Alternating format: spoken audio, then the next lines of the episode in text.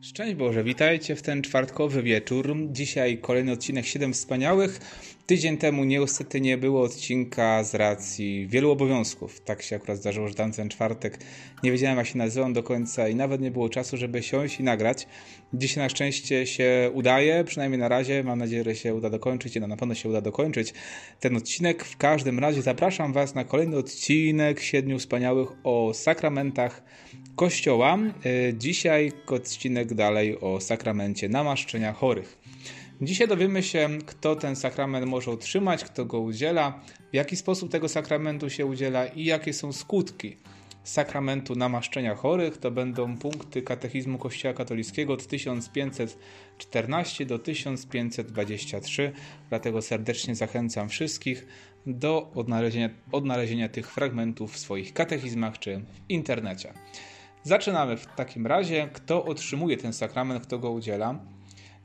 W przypadku poważnej choroby, tak się yy, zaczyna ten punkt, więc namaszczenie chorych yy, nie jest sakramentem przeznaczonym tylko dla tych, którzy znajdują się w krańcowym niebezpieczeństwie utraty życia. Mówiliśmy sobie o tym, że to nie jest ostatnie namaszczenie, kiedy jesteśmy poważnie chorzy. Czyli często to się dzieje przy operacjach, E, kiedy ktoś idzie na operację w szpitalu, też oczywiście, kiedy już jest to stan umierania, ale e, kiedy ktoś jest poważnie chory, też może tego, z tego sakramentu skorzystać. Tak jak może już wspominałem, ja z tego sakramentu dwa razy w życiu skorzystałem, miałem rzeczywiście gorszy stan zdrowia i poprosiłem księdza o udzielenie tego sakramentu. Odpowiednia zatem pora, mamy dalej, e, to jest cytat w ogóle z Sacrosanctum Concilium, czyli jak już pewnie wiemy z konstytucji do, o y, liturgii Soboru Watykańskiego II, odpowiednia zatem pora na przyjęcie tego sakramentu nastaje już wtedy, gdy wiernemu zaczyna zagrażać śmierć z powodu choroby lub starości, no albo poważna choroba. Jeśli chory, który został namaszczony, odzyskał zdrowie w przypadku nowej ciężkiej choroby, może ponownie przyjąć ten sakrament. W czasie trwania tej samej choroby namaszczenia chorych może być udzielone, powtórnie, jeśli choroba się pogłębia. Jest rzeczą stosowną przyjąć sakrament namaszczenia chorych przed trudną operacją. Odnosi się to także do osób starszych, u których pogłębia się słabość. Ale jeśli macie nawet taką, wiadomo, nie na katar to nie jest, tak, ale jakaś poważna rzeczywiście choroba, boicie się, że to może coś się z waszym życiem dziać. Ja wtedy rzeczywiście, rzeczywiście się bardzo źle czułem. Nie chodzi o to, że umierałem już, czy coś takiego, nie, ale rzeczywiście źle się czułem, chciałem to Panu Bogu oddać przez sakrament, więc to już było ku temu. Więc jeżeli jak ktoś jest chory i ta choroba się pogłębia, można wtedy jeszcze raz przyjąć, jak było napisane, Mm, jak jest ten, jak jest taki sam stan zdrowia, to już raz się przyjmuje, to wystarczy. I teraz kto może udzielić? Sam święty Jakub, którego też teraz czytamy przecież e, w liturgii, e, w czytaniach, mówi: Niech sprowadzi kapłanów kościoła, czyli kapłani, tylko kapłani, czyli biskupi i prezbiterzy są szafarzami namaszczenia chorych. O tym mówi Sobor Trydencki. Obowiązkiem duszpasterzy jest pouczenie wiernych o dobrodziejstwach tego sakramentu, co też yy, z wielką radością dla Was czynię. Wierni powinni zachęcać e, chorych do wezwania kapłana i przyjęcia tego sakramentu. Co też czasami się zdarza, że pamiętam po kolędzie, to już też chyba mówiłem, chodziliśmy z księdzem proboszczem, to ludzie mówili, że nie, nie, jeszcze nie umierają, więc nie potrzebują. Warto rzeczywiście, jak mamy chorego w domu, czy sami jesteśmy chorzy, korzystać z takiej możliwości przyjęcia tego sakramentu. Chorzy powinni przygotować się do jego przyjęcia przez dobre dyspozycje z, z pomocą swego duszpasterza i całej wspólnoty kościelnej, która w szczególny sposób powinna otaczać chorych swoją modlitwą i braterską troską.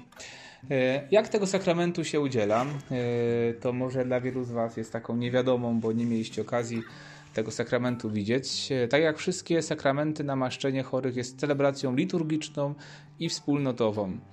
O tym mówi Sacrosanctum Concilium. Niezależnie od tego, czy jest udzielane w rodzinie, w szpitalu, czy w kościele, jednemu choremu, czy całej grupie chorych, jest to e, liturgia i też z natury liturgia jest oczywiście wspólnotowa.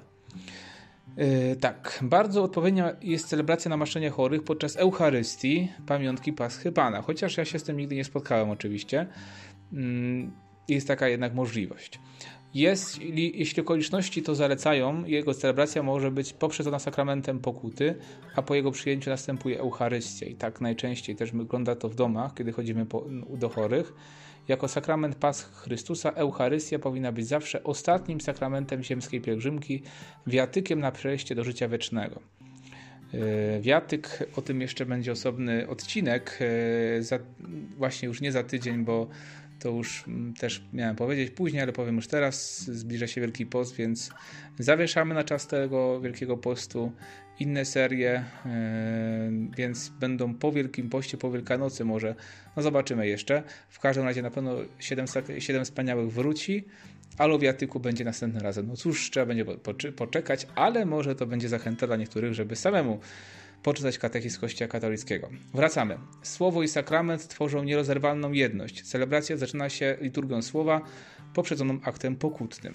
Czyli tak jak zawsze, po prostu yy, jest tak jak podobnie jak nam przy święty akt pokuty, jest jedna, tam jest czytanie Ewangelii akurat. Yy, dlatego, że słowa Chrystusa i świadectwa apostołów budzą wiarę chorego i wspólnoty, by prosić Pana o moc Jego Ducha. E, słuchanie Słowa Bożego, dlatego tak ważne jest również w czasie sakramentu pokuty, e, sakramentu namaszczenia chorych, gdyż, jak mówi święty Paweł, wiara rodzi się ze słuchania.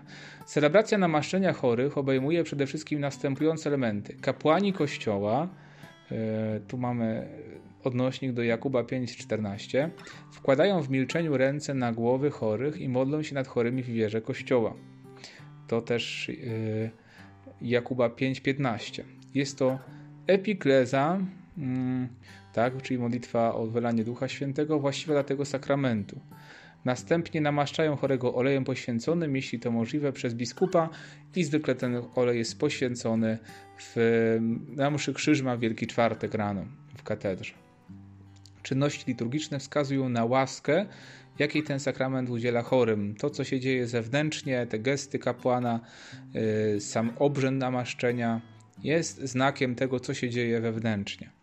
Jakie są skutki sprawowania tego sakramentu? Mamy tutaj tych skutków wymienionych w katechizmie cztery.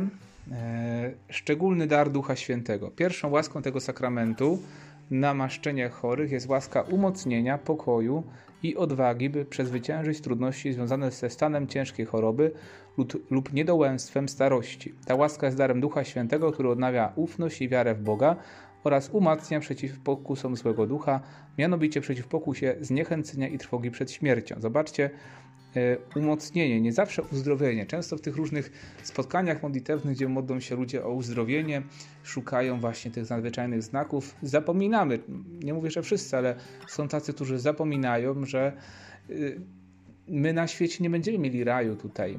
Nie będzie mm, czegoś takiego, że nie będzie chorób, niektórzy to dają jako argument, że nie ma Pana Boga, bo są choroby. Albo, że nie wiem, że mm, męka Pana Jezusa była niewystarczająca, bo chorób nie zlikwidował. No nie. E, choroby zostają.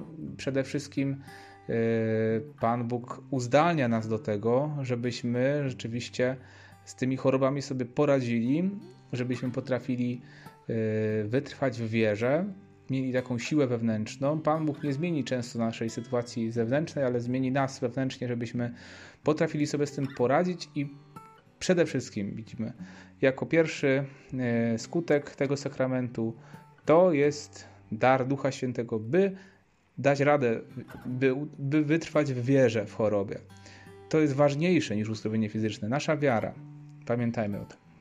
Wsparcie Pana przez Jego moc, moc Jego ducha ma prowadzić chorego do uzdrowienia duszy, a także do uzdrowienia ciała, jeśli taka jest wola Boża. Przypomina o tym Sobór Florencki.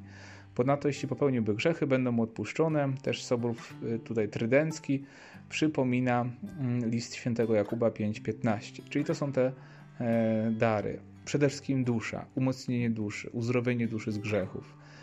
Jak Pan Bóg chce, też fizyczne uzdrowienie, ale nie zawsze to nie jest magia. Nie? E, to jest sposób spotkania z Chrystusem, cierpiącym. I to jest drugi właśnie e, skutek sprawowania tego sakramentu zjednoczenie z męką Chrystusa.